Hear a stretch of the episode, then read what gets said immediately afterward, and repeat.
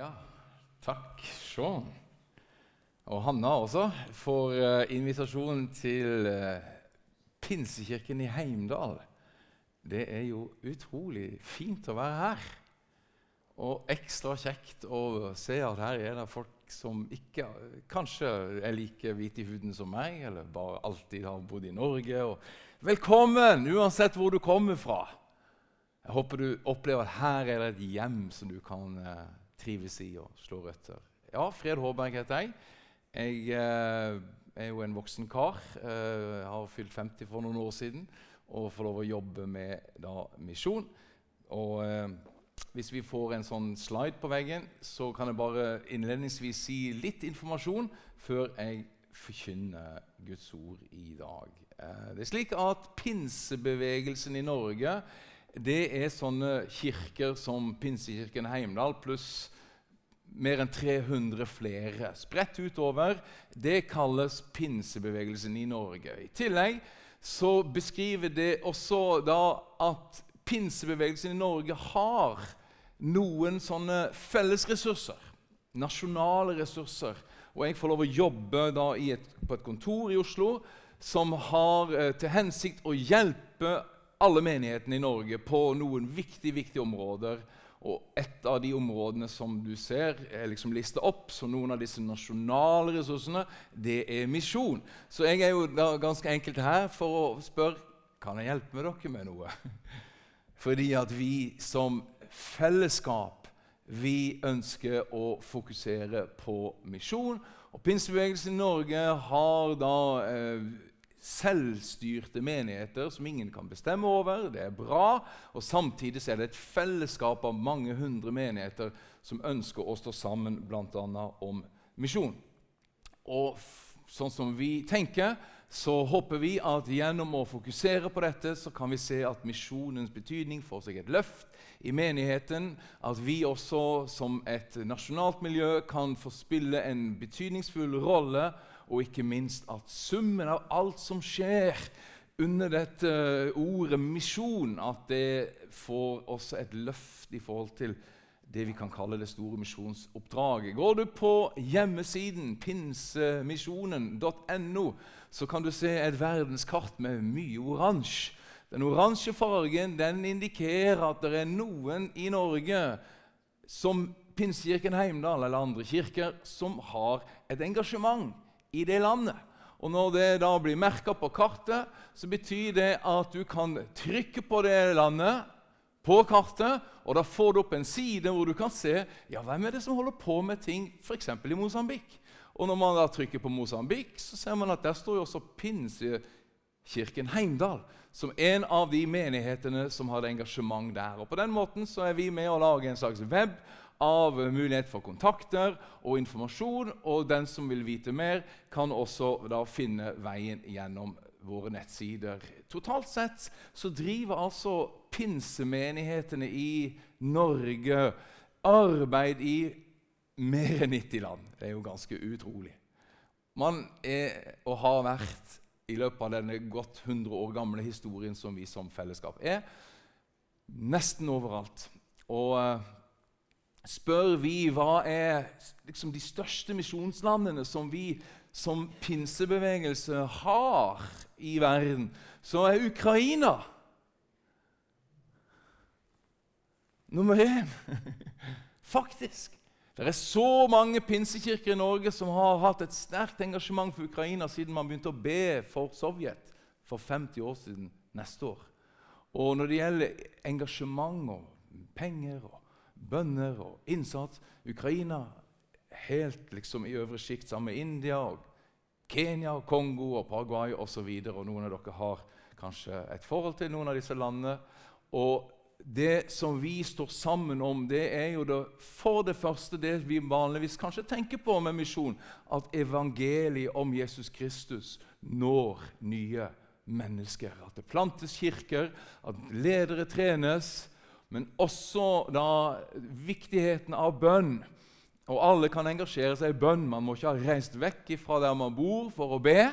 Så Pinsekirken i Heimdal kan være med å be for steder som er fjernt, eller for representanter fra land som er fjernt, men som er her i nærmiljøet. Og så er også misjon, diakoni og bistand, utviklingshjelp, det å være med og se at samfunn utvikles.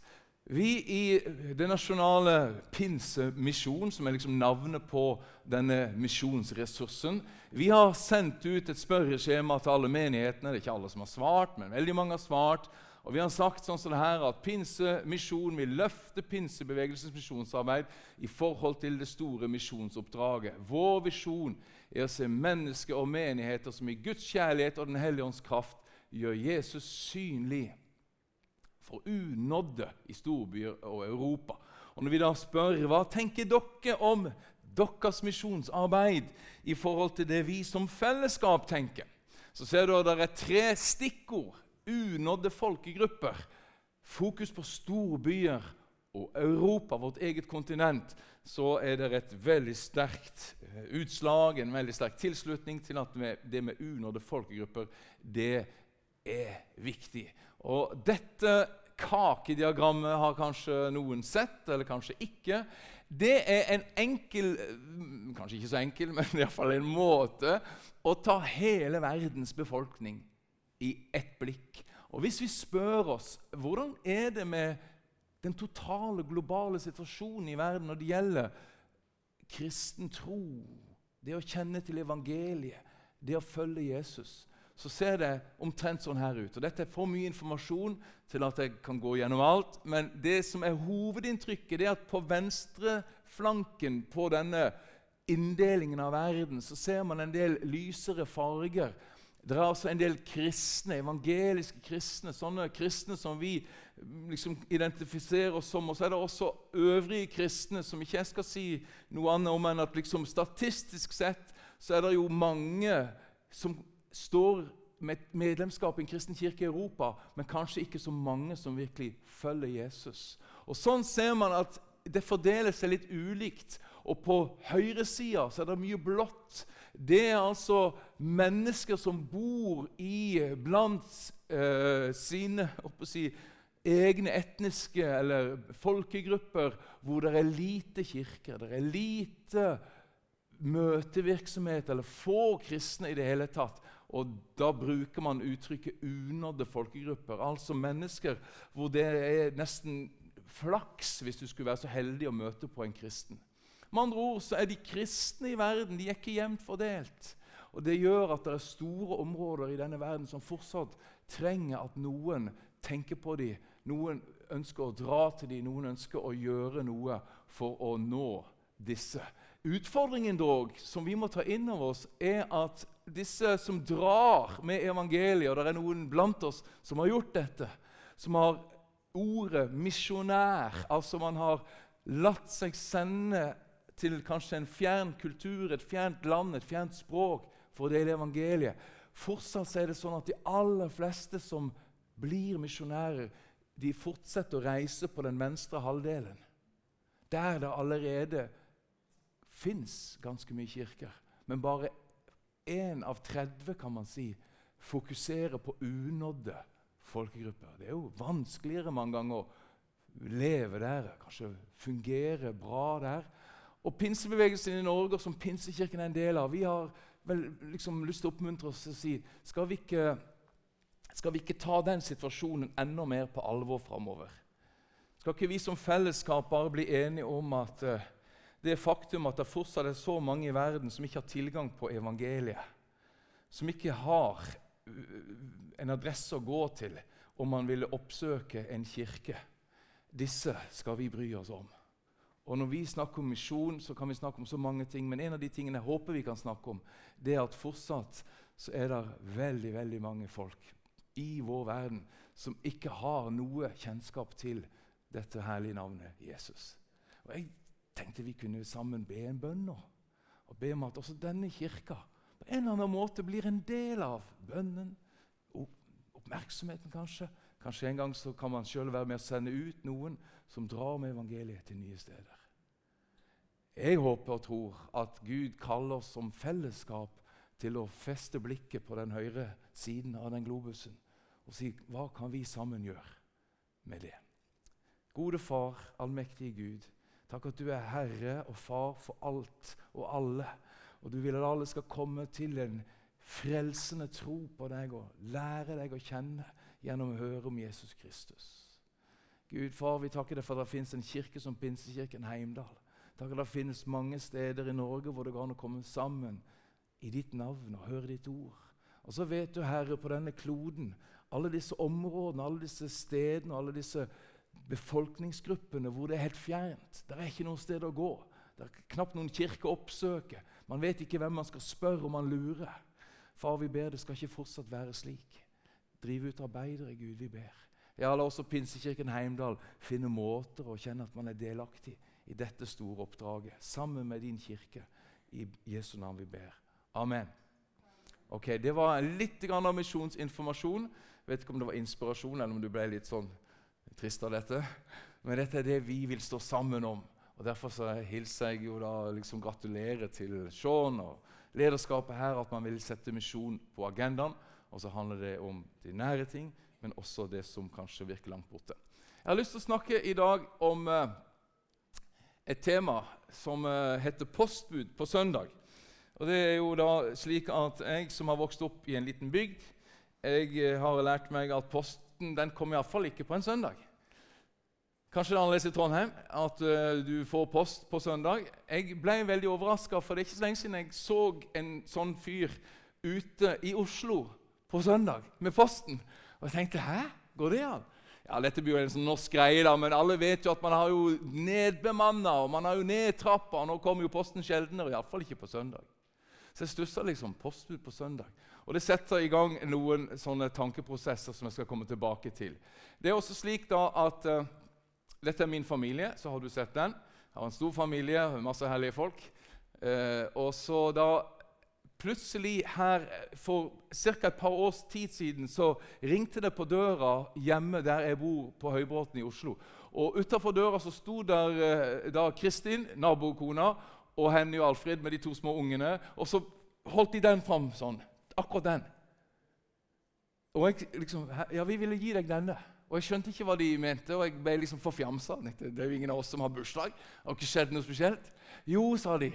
Du skjønner, Vi har samla inn penger blant naboene, for vi syntes det var så søtt når du på torsdag Og dette var jo da i helga, en lørdag morgen, eller hva det, og, og, og, og på torsdag så hadde de da sagt eh, Så hadde jeg da, på vei hjem fra kirka, så hadde jeg sett at to av nabokonene, Lydia og, og Kristin, de sto og snakka sammen. Og når jeg ser de utenfor eh, liksom, sitt hus, så bare stopper jeg bilen, hopper ut av bilen og så bare løper jeg bort til de, og så, så tar jeg, viser de dette bildet. Og så sier jeg 'Jeg har blitt bestefar'. Det gikk litt fort. 'Jeg har blitt bestefar. Jeg måtte vise dem mobilen.' Og de liksom 'Wow, fantastisk! Gratulerer!' Og hele den uka og etter liksom at jeg hadde blitt bestefar, så gikk jeg rundt og leite etter noen jeg kunne vise bildet. Jeg måtte liksom få det sagt. Jeg syntes det var så stort at jeg hadde blitt bestefar. At den nyheten måtte jo fram. Nå var jo ikke det nødvendigvis en god nyhet for de, for det var jo ikke så mye med de å gjøre. Men de syntes det var såpass søtt, så de kom med en blomst for å gratulere.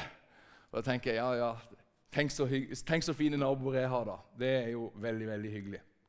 Nå er jo den jenta snart to år, og det er veldig stas. Du vet, Den følelsen av at jeg har noe jeg må formidle. Det er noe jeg må fortelle. Jeg må jo nesten finne noen som vil høre på meg. For jeg har opplevd noe som er så stort at jeg må fram med bildet. Den følelsen får man når man da leser i Romerbrevet. Paulus han uttrykker det på denne måten i sitt første kapittel i Romerbrevet. Dette store, og flotte, viktige brev fra apostelen Paulus. og Han sier det sånn her Jeg vil at dere skal vite, mine søsken, at jeg ofte har satt meg for å komme til dere, men jeg har blitt hindret helt til nå. For jeg ville gjerne høste frukter også hos dere, som blant de andre folkeslagene. Grekere og barbarer, lærde og ulærde, alle står jeg i gjeld til. Derfor ønsker jeg å forkynne evangeliet også for dere i Roma. Og så kommer dette kjente verset.: For jeg skammer meg ikke over evangeliet. Det er en Guds kraft til frelse for hver den som tror. Jøde først, og så greker. Ikke sant? Paulus han har den samme liksom, travelheten, nærmest. Følelsen av at hvem kan jeg dra til? Hvor kan jeg komme? Jeg har noe jeg må fortelle. Og han hadde sett for seg at Roma, hovedstaden i det daværende Romerskriket, der må jeg dra. Og han prøvde, og så funka det ikke, og så prøvde han igjen. Og så sier han det at ja, du skjønner det, jeg er jo ikke flau over evangeliet. For dette er jo Guds kraft til frelse, sier Paulus. Og når vi da på norsk hører ordet evangeliet så er jo det et ord som mange av oss har lært oss. Det representerer noe, vi forstår gjerne hva det er. Samtidig så er jo det ikke et norsk ord. Det er jo et ord som kommer fra et annet språk. Evangelium er latin, av det greske evangelion, kan vi lese. Og et uttrykk som skriver seg fra det mektige Romerriket med sine keisere. Så Evangelium er altså et ord som kommer fra et annet språk. Og Hvis man slår opp i Store norske leksikon, så finner man at de definerer at dette kan i antikk litteratur brukes som et, om et seiersbudskap. Eller om kunngjøringen av en ny konges fødsel eller til, tiltredelse. Altså, Evangelium var et uttrykk som var i bruk før Paulus bruker det.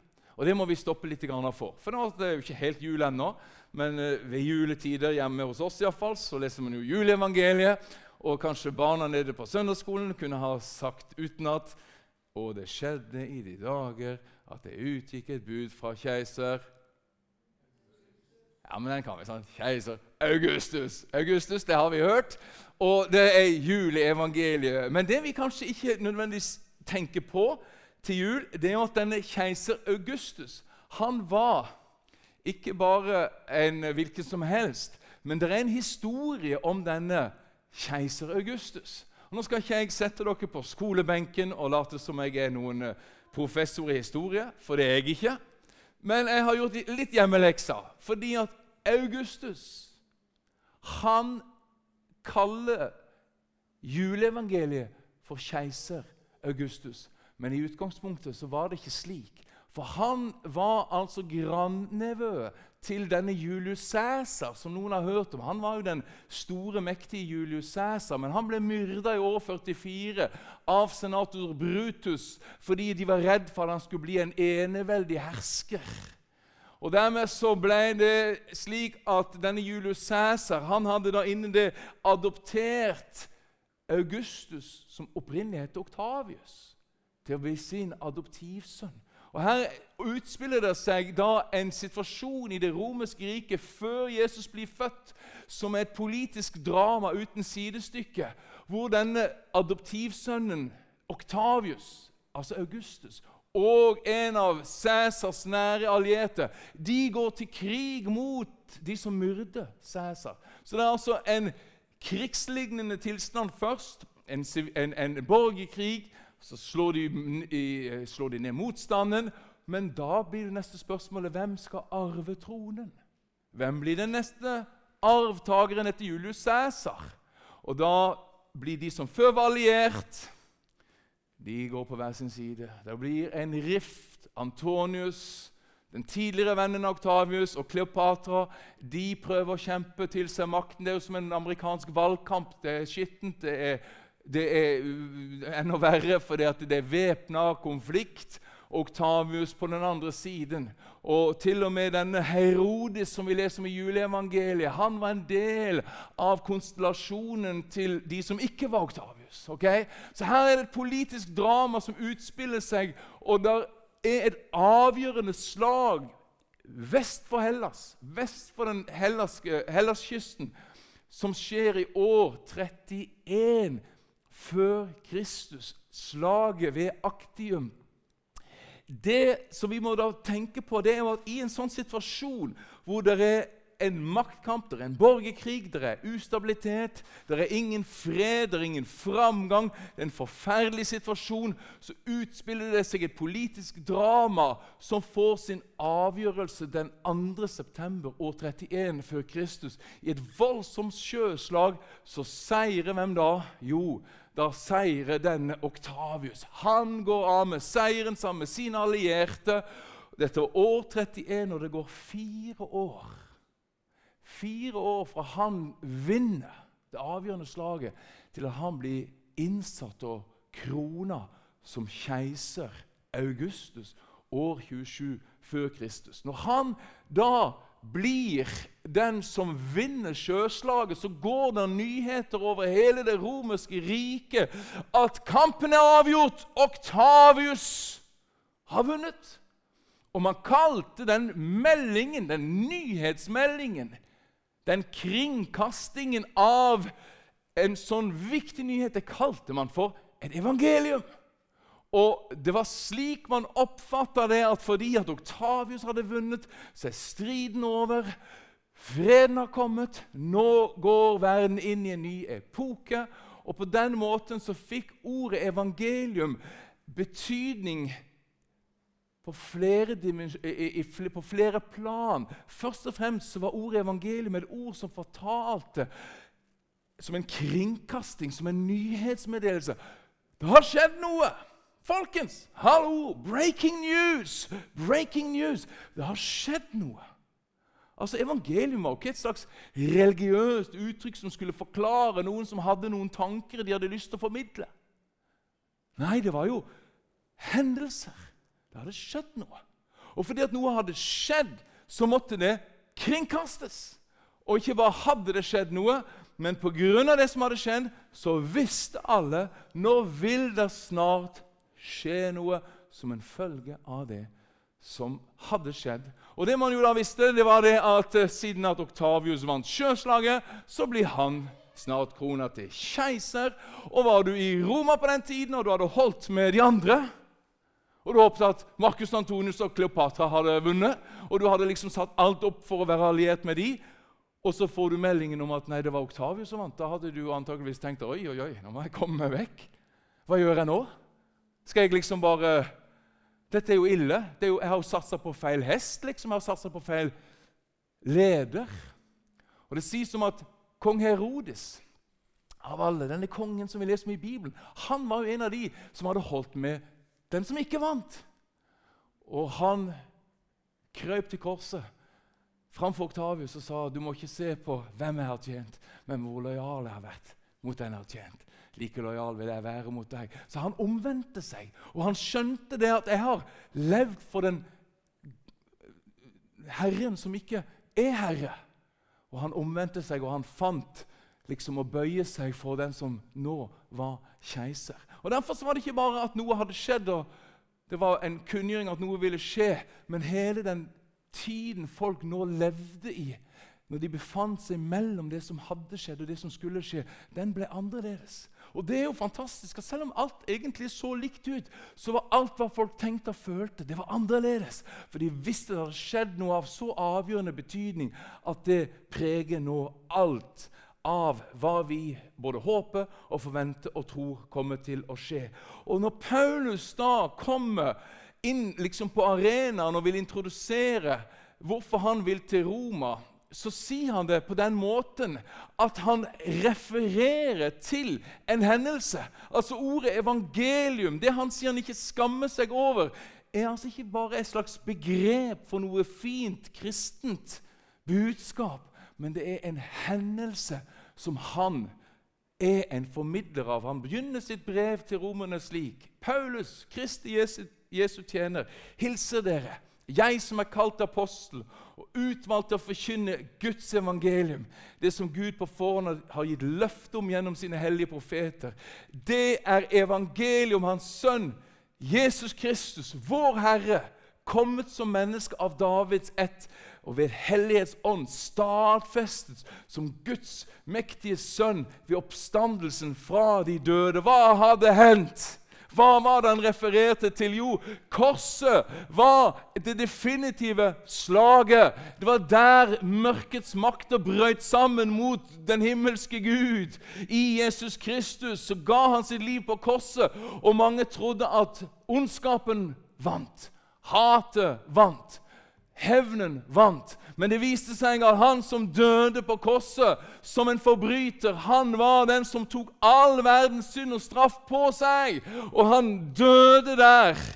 Men det var ikke et nederlag, for Gud reiste han opp fra de døde, og ved oppstandelsen så ble det bekrefta at han har for evig vunnet over døden. Han har for evig vunnet over synden. Han har for evig vunnet over mørket og Satans hærer. Og Paulus han var så fylt av den hendelsen. Han var så fylt av hva dette betyr. Han sa det. 'Jeg må fortelle det.' Det har skjedd en avgjørelse.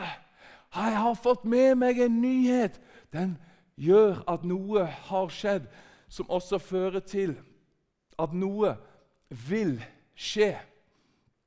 Og det som vil skje Bare komme et hakk tilbake.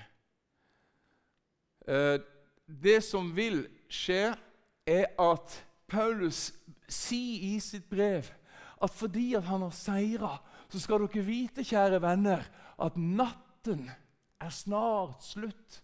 Dagen er nær. Hva er det, han, hva er det, han, hva er det som kommer fram her? Jo, håpet. Håpet om at denne vår verden, hvor krig herjer, hvor ondskap er så synlig, Likevel så har det skjedd noe som gjør at vår forventning er ikke mørke og undergang, men det er at denne natten er snart slutt, og at dagen er nær. Det var evangeliet for Paulus. Og fordi at han levde i evangeliet og ikke skamma seg over det, så sier han på denne måten at den tid vi lever i nå, den kjenner dere. Han bruker dette uttrykket. Dessuten vet dere hvilken tid det nå er. Timen er kommet, og dere må våkne opp av søvnen. Og dere må våkne opp av søvnen, for frelsen er oss nærmere nå enn da vi kom til tro. Natten er snart slutt, dagen er nær. La oss derfor legge bort mørkets gjerninger og kle oss i lysets rustning. Han utruster og hjelper oss som lever i denne tiden imellom, til å skjønne konsekvensen av hva som har skjedd, og hva som vil skje evangeliet, folkens. Det er det som er de gode nyheter. Det er det vi er gitt å gå med. Det er det som er vårt budskap til verden. Og Hvis vi oppsummerer da dette, så kan vi jo bare nettopp gruppere inn og se noe har skjedd, noe vil skje, og derfor er her og nå endra for alltid. Så var det han her, da. Postmannen postmannen som var ute på søndag. Hvorfor gjorde han det? Vi har jo lært at søndag det er helligdagen. Det er fridagen. Da skal man ikke arbeide, da skal man gjøre alle andre ting enn å gå på jobb. Sånn har vi vokst opp. Går vi helt tilbake til når Gud skapte verden, så skapte Gud alle de ting vi ser i løpet av seks dager. Er vi enige i det? Seks dager står der. På den syvende dagen så hvilte Gud, for han hadde fullført hele sitt verk. Og så vet vi at Gud han forsvant ikke, han fortsatte å virke. Men den syvende dagen, da hvilte Gud. Og Derfor så står det i uh, Første Mosebok så var hele himmelen og jorden fullført med hele sin hær. Den sjuende dagen fullførte Gud det arbeidet han hadde gjort. Og den sjuende dagen hvilte han fra hele det arbeidet han hadde gjort. Gud velsignet den syvende dagen og helliget den. For den dagen hvilte han fra hele sitt arbeid, det som Gud hadde gjort da han skapte. Og Nå ble jeg kanskje litt avansert her, da. For i den norske kalenderen så er det jo Søndagen det er jo liksom det vi tenker på som den syvende dagen. Iallfall hvis du ser kalenderen. Så begynner uka på mandag, og så slutter den med søndag. Det er litt sånn vi liker å tenke. Men i den jødiske kalenderen så slutter jo uka med sabbaten. Hvilken dag er sabbat? Lørdag. Ok, Så uka begynte med søndag. Uka begynte med søndag, og så slutta den på lørdag. Og da blir jo det enkle spørsmålet hvilken dag sto Jesus opp fra de døde? Var det på hviledagen, eller var det på den første dagen i en ny arbeidsuke? Hvilken dag sto Jesus opp? Han sto ikke opp på hviledagen. Han sto opp den første dagen i en ny arbeidsuke. Og det har betydning, skjønner du. Fordi at søndag er jo ikke bare en hviledag. Søndag er liksom den første dagen i en ny uke. Og da har jeg valgt å bare illustrere at når Jesus ropte ut på korset 'Det er fullbrakt', og oppstandelsesdagen var da et faktum, så er selve denne oppstandelsesdagen Det er som om at Guds nyskapning begynner. Og vi er tilbake til skapelsesuka, hvor det står at i begynnelsen skapte Gud himmel og jord. Og dag én sånn, og dag to sånn, og til slutt så hvilte han, for alt var ferdig.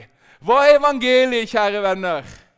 Evangeliet er mer enn en billett som du kan få for å berge deg til et liv etter døden. Evangeliet er nyheten om at Jesus Kristus har seira over ondskap, over mørke, over alt fiendens velde. Og oppstandelsesdagen, det er den første dagen i Guds nyskapelsesuke. Gud han har sagt at 'jeg vil skape på nytt mennesker i Jesus Kristus'. Paulus sier, 'For dere er hans verk, Guds verk, skapt i Kristus Jesus' til gode gjerninger'. Halleluja! Det begynner med mennesker. Gud skaper mennesker ikke for ondskap, ikke for ødeleggelse, men for å være Guds verk, skapt til gode gjerninger. Så Gjennom Jesu oppstandelse, gjennom evangeliet, så begynner Gud sin nyskapelsesprosess, hvor han skaper mennesker nye. Men det stopper ikke der. Bibelen tar oss inn i et framtidsscenario i åpenbaringen som er sånn her at jeg så en ny himmel og en ny jord. For den første himmelen og den første jord var borte, og havet fantes ikke mer. Og jeg så den hellige byen, det nye Jerusalem, stige ned fra himmelen, fra Gud, gjort i stand og pyntet som en brud for sin brudgom. Og jeg hørte fra tronen en høy røst som sa, Se, Guds bolig er hos menneskene. Han skal bo hos dem, og de skal være hans folk. Gud selv skal være hos dem. Han skal være deres Gud. Han skal tørke bort hver tåre fra deres øyne. Og døden skal ikke være mer, heller ikke sorg eller skrik eller smerte. For det som en gang var, er borte. Han som sitter på tronen, sa, 'Se, jeg gjør alle ting nye.' Og han la til, 'Skriv det ned', for dette er troverdige og sanne ord. Halleluja! Hvor er det vi lever? Jo, vi lever imellom. Vi lever imellom. Det definitive slaget ble avgjort på Golgata kors. Og vi ser ennå ikke at alle ting er Kristus underlagt, sier brevbrevet. Men vi ser at han som for en tid ble stilt lavere enn englene, han er krona med ære og herlighet. Han er konge. Kristus er vår konge. Når vi inviterer mennesker til å gi sitt liv til Jesus, så er ikke det bare for at han skal vaske dine synder vekk og tilgi deg. Ja, det er det. Men det er for at du skal få lov å stille ditt liv under den rette kongen. Du som før var på feil side, du som før var alliert med han som tapte. Du skal få mulighet til å vende om, endre sinn, endre innstilling og finne din plass under Kristi herredømme og si 'Jesus Kristus, det er du som er kongen. Det er du som har seier seire. Det er du som skal regjere til slutt. Og du har gjennom din oppstandelse starta Guds nyskapende handlinger som en gang vil bli oppsummert at Gud gjør alle ting nye. Er det herlig? Dette er det evangelium vi forkynner. Det er det som fyrte Paulus opp, og som gjorde at han så gjerne ville til Roma. Og Derfor så er vi postbud på søndagen. For det er ikke bare for at vi skal være på møter at vi har søndag, men det er for å minne oss om at dette er jo første dagen i Guds nyskapende. gjerning. Og faktisk så er det i god tradisjon det å være postbud på søndag. For vi leser om at det første søndagspostbudet det finner vi i Bibelen da sabbaten var over. Og det begynte å lysne den første dagen i uka. Da lørdagen var over og det begynte å lysne søndagen, kom Maria Magdalena og den andre for å se til graven, og med ett ble det et kraftig jordskjelv, for en Herrens engel steg ned fra himmelen og gikk fram og rullet steinen til side og satte seg på den. Han var som et lyn å se til, og drakten var hvit som snø. Vaktene skalv av redsel da de så ham, og de ble liggende som døde. Men engelen tok til orde og sa til kvinnene.: ja, Frykt ikke. Jeg vet at dere leter etter Jesus den korsfestede. Han er ikke her. Han er stått opp, slik som han sa. Kom og se stedet hvor han lå. Og så får de dette. Skynd dere av sted og si til disiplene hans han er stått opp fra de døde, og han går i forveien for dere til Galilea. Der skal dere få se ham. Nå har jeg sagt dere det. Da skyndte de seg bort fra graven, redde, men jublende glade. Og de løp for å fortelle det til disiplene. Og når man har noe så bra å fortelle, så kan man ikke vente til at søndagen er over. Man bruker søndagen, for det er nå det har blitt innvarsla noe nytt. Amen. Vi er jo sånne folk. Vi er jo der. Vi har vært vitne til at noe avgjørende har skjedd. Og vi har i det samme fått dette budskapet lagt i vår hjerte. Og Paulus sier at Gud har forsona verden med seg sjøl, så han ikke tilregner oss våre misgjerninger. Og han har lagt ned i oss ord om forsoning, så er det som om vi da formaner andre i Kristi sted. La dere forsone med Gud! Han har begynt noe nytt. Det er Kristus som er Herre. Dette er det evangeliet. Og så avslutter vi med fullføringen av denne første fortellingen ifra disse som løp av gårde med gledesbudskapet som ble postbud på søndag, som et eksempel på hvordan vi nå har fått et evangelie som har hast med å få ut, og som vi kjenner at det skaper trang i oss til å komme til steder, være blant folk og dele evangeliet. Vi leser Matteus. Men de elleve dro til Galilea, til fjellet der Jesus hadde sagt at han ville møte dem. Og Da de fikk se ham, falt de ned og tilløp ham. Men noen tvilte. Og Da må jeg bare spørre deg hva var annerledes nå? De hadde sett han før. De hadde møtt han mange ganger. Det var mange beskrivelser tidligere i evangeliene at disiplene hadde møtt Jesus. Men nå, etter oppstandelsen, så faller de ned og tilber han.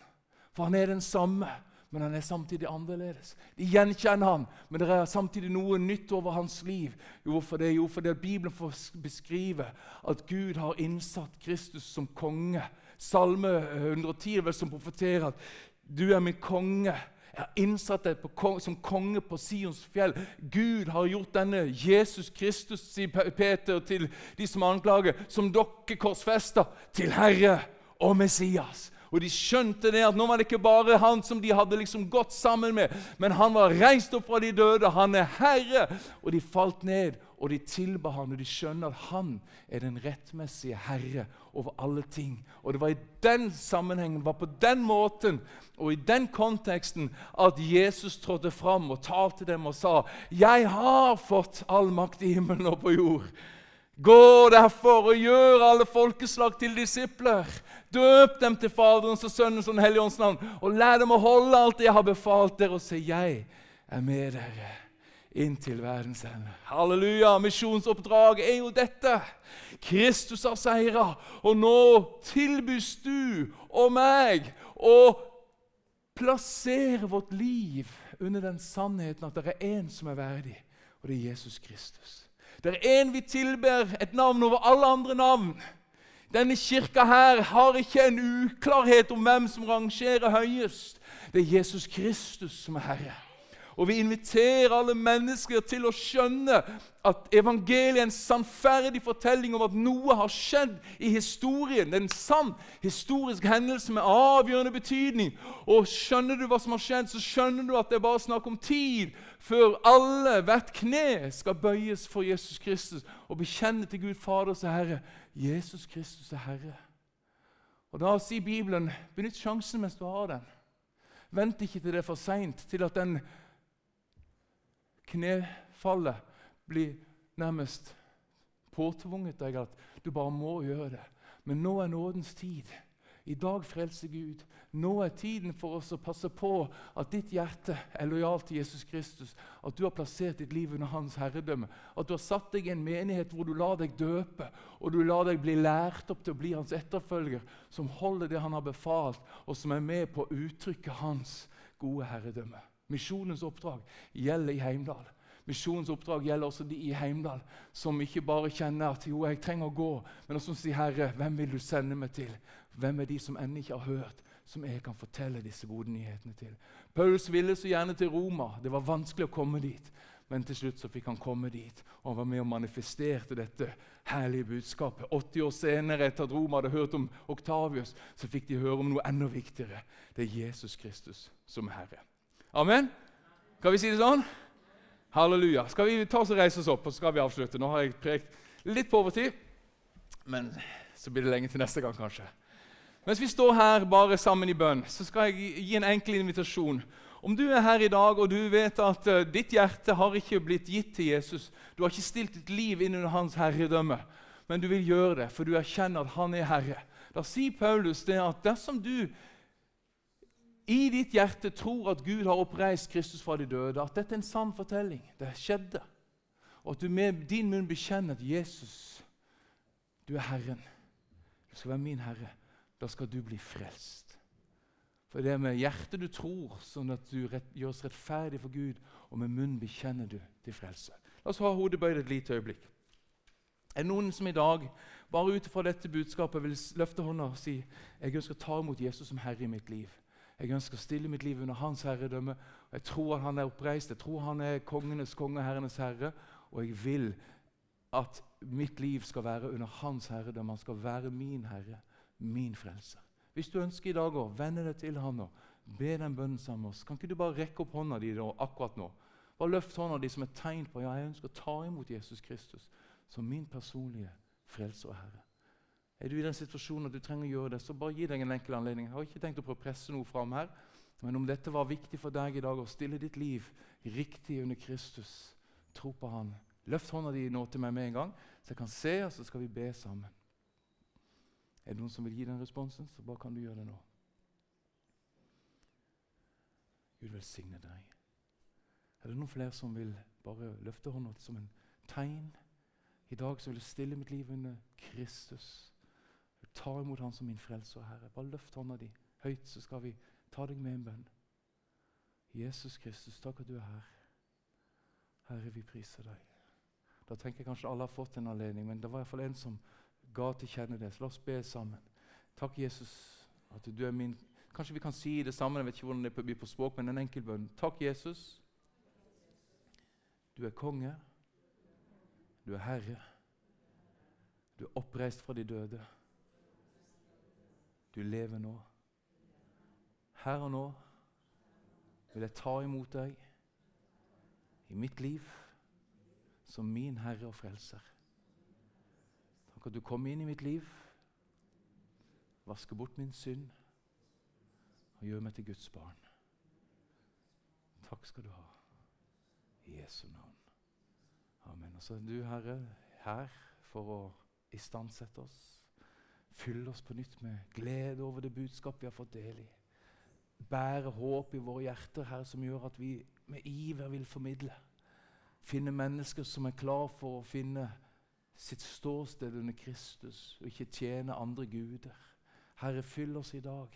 La også denne menigheten få være en menighet som ordet går ut fra langt og når til fjerne kyster. Herre, vi ber. Takk for din nåde, din styrke. I Jesu navn. Amen. Amen. Gud velsigne deg.